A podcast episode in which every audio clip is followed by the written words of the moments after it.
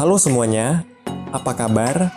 Semoga sehat selalu dan berbahagia tentunya. Jadi ini merupakan episode podcast pertama saya ataupun perdana di mana ke depannya mungkin saya akan membuat podcast sebagai wadah untuk berbagi pengalaman, sharing ilmu, dan mungkin bisa juga berdiskusi dengan teman-teman yang tertarik untuk membagikan ceritanya. Nah, pada kesempatan kali ini saya ingin sharing seputar investasi. Nah, sebenarnya saya sendiri juga baru mulai investasi di awal tahun 2020. Waktu itu saya menonton sebuah video di channel YouTube yang membahas bagaimana sih cara kita mengatur keuangan dan juga kita telah menyiapkan dana ataupun uang kita untuk tujuan-tujuan besar di masa yang akan datang. Misalnya kita telah menyiapkan dana untuk pensiun, biaya untuk menikah, ataupun biaya pendidikan anak, dan sebagainya. Mungkin teman-teman juga udah nggak jarang lagi ya mendengar kata investasi sendiri. Jadi sebenarnya apa sih itu investasi? Nah, sebenarnya investasi itu adalah cara kita membeli suatu barang ataupun jasa pada saat ini untuk mencapai suatu tujuan tertentu di masa yang akan datang. Contohnya, mungkin kita saat ini bersekolah ataupun berkuliah. Maka kita akan dianggap sebagai um, sedang melakukan investasi terhadap waktu kita, di mana kelak ketika kita berproses selama sekolah tersebut, kita ketika lulus akan mendapatkan gelar. Kemudian juga ilmu tersebut juga akan mengantarkan kita untuk mendapatkan sebuah pekerjaan yang lebih baik tentunya. Oke, jadi di poin ini yang harus kita ketahui sebelum memulai investasi adalah kita harus punya goal ataupun tujuan. Nah, ketika kita sudah memiliki goal ini, maka kita bisa menentukan rentang waktu kapan sih goal tersebut ingin kita capai. Misalnya, kita ingin jalan-jalan ke Bali tahun depan. Nah, ini biasanya kita akan melakukan investasi jangka pendek karena jangka waktunya kurang atau maksimal satu tahun. Atau misalnya kita pengen beli rumah, maka kita akan melakukan investasi jangka panjang. Karena seperti yang kita tahu, harga rumah itu mahal dan waktu yang dibutuhkan biasanya akan lebih panjang biasanya bisa 2 tahun, 5 tahun, 10 tahun, bahkan berpuluh-puluh tahun lamanya. Oke, bukannya sampai di sini investasi itu sama aja kayak nabung ya. Eits, tentu saja ada bedanya ya antara menabung dan juga berinvestasi. Kita sadar nggak sih sebenarnya kalau kita nabung di bank itu ada biaya administrasi yang harus kita bayarkan. Terus bunga yang diberikan juga sedikit. Nah, berbeda dengan investasi. Ia bisa memberikan uh, potensi keuntungan itu bisa 5% hingga berkali-kali lipat, bisa ratusan persen bahkan. Oke, dalam hal ini kita ambil misalnya reksadana yang bisa memberikan potensi keuntungan ataupun bunga itu 5 hingga 10%. Biar lebih mudah, saya coba ilustrasikan secara sederhana. Misalnya kita punya uang 2 juta.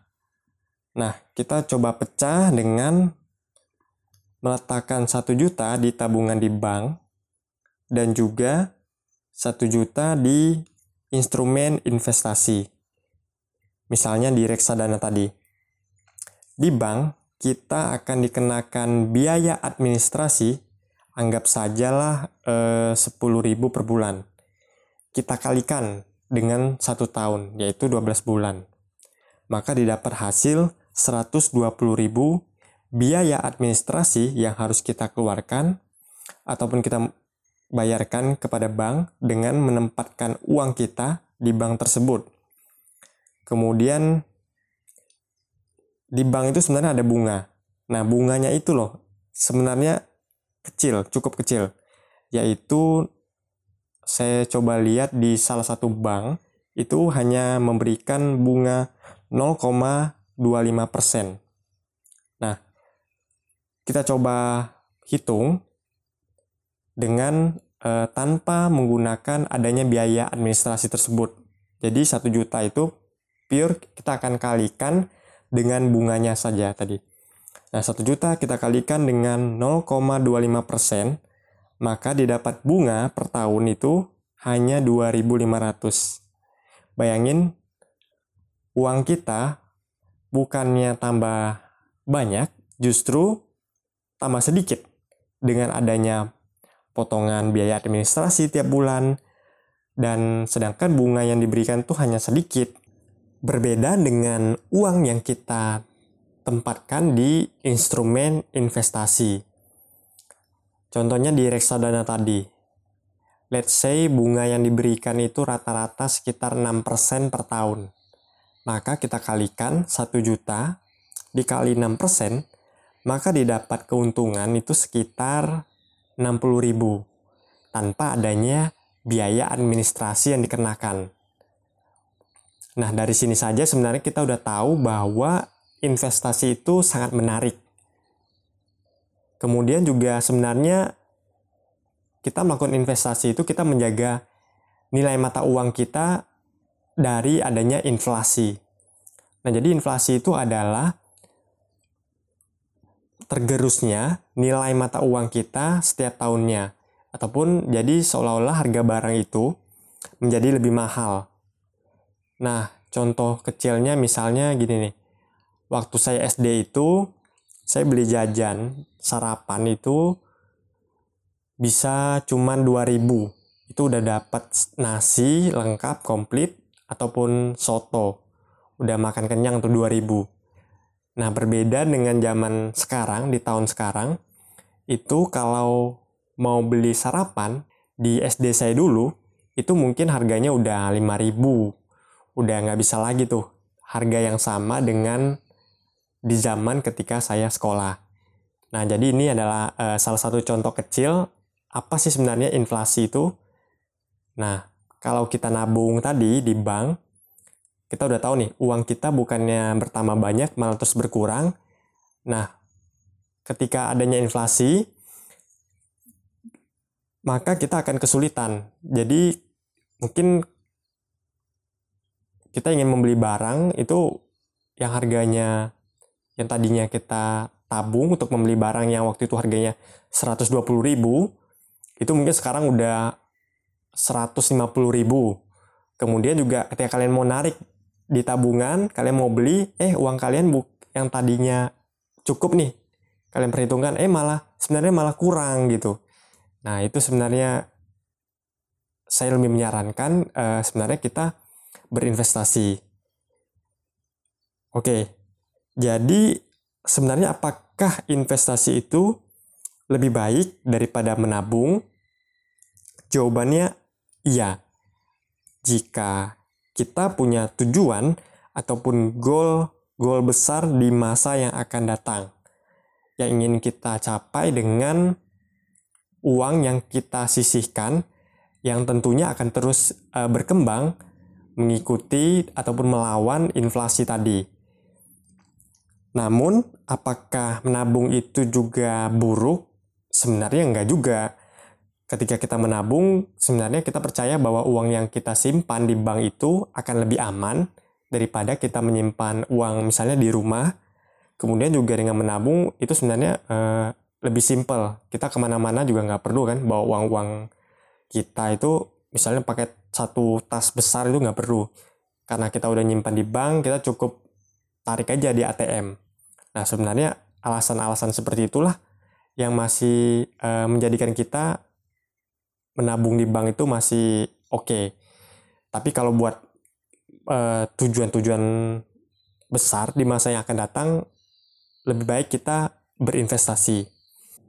Oke, misalnya kalian udah yakin dan mau mulai berinvestasi, cuman masih bingung nih, mau berinvestasi ataupun instrumen apa sih yang cocok dengan kalian.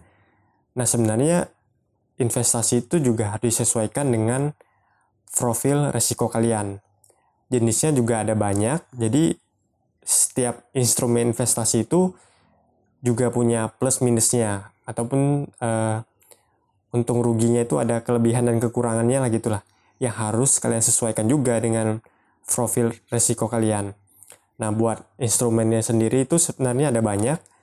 Misalnya ada reksadana, ada obligasi, ada juga uh, saham, emas, properti, dan sebagainya.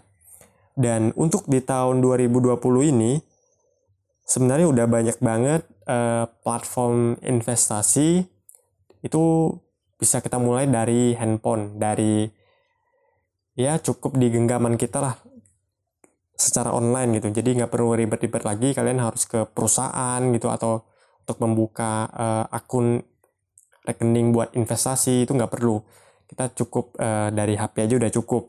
Nah, namun pastikan bahwa platform ataupun tempat investasi kita itu minimal sudah terdaftar di OJK atau Otoritas Jasa Keuangan. Jangan sampai malah kita ingin uh, uang kita bertambah banyak, kita malah investasinya malah di sembarangan tuh. Ujung-ujungnya nanti bisa kena investasi bodong, tertipu, uang kalian malah uh, hilang semuanya.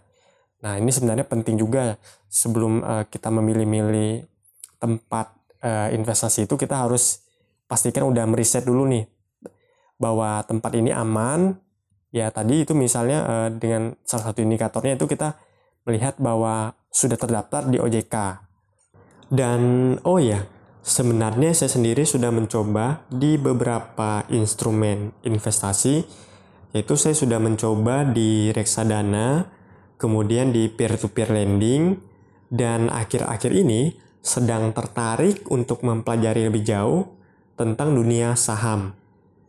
Nah, bagi teman-teman yang udah mulai tertarik nih setelah mendengarkan sharing saya tadi, kalian mau mulai mencoba untuk berinvestasi, Nah, kalian coba sisihkan sedikit aja dari uang jajan kalian ataupun ya sekitar 10% lah dari penghasilan kalian bila sudah bekerja, kalian taruhlah uang tersebut di investasi. Nah, mungkin manfaatnya nggak akan kerasa sekarang, tapi yakin dan percayalah beberapa tahun ke depan uang yang kalian investasikan akan uh, bermanfaat ataupun tujuan-tujuan kalian tuh akan tercapai dengan uang yang kalian sisihkan. Nah, sebenarnya saya juga eh, nggak uh, banyak sih masih mencobanya juga di dengan nominal sedikit. Waktu itu di reksadana saya coba sisihkan dari uang hasil uh, bisnis kecil-kecilan semasa kuliah. Nanti saya coba tempatkan di sana dan hingga saat ini hasilnya udah cukup lumayan lah gitu Baiklah, terima kasih buat teman-teman kalian yang udah dengerin podcast pertama saya ini. Semoga bermanfaat dan apabila terdapat kekurangan, mohon dimaklumi agar ke depannya terus saya perbaiki. Dan terakhir, buat teman-teman yang ingin berdiskusi atau sekedar sharing bareng terkait investasi ini, kalian bisa kontak saja ke salah satu media sosial saya. Nanti kita bisa diskusi bareng. Kali aja kalian uh, nanti akan tertarik ataupun saya juga mendapatkan uh, ilmu baru dari teman-teman semua. Dan sebagai penutup, uh, saya ingin mengutip salah satu quotes dari uh, Warren Buffett yaitu uh, seorang investor yang sudah terkenal dan bunyi quote-nya seperti ini. Someone sitting in the said today because someone planted a tree a long time ago. Yang artinya seseorang yang sedang duduk di bawah pohon hari ini karena seseorang menanam sebuah pohon beberapa waktu yang lalu. Nah, terima kasih dan see you in the next episode.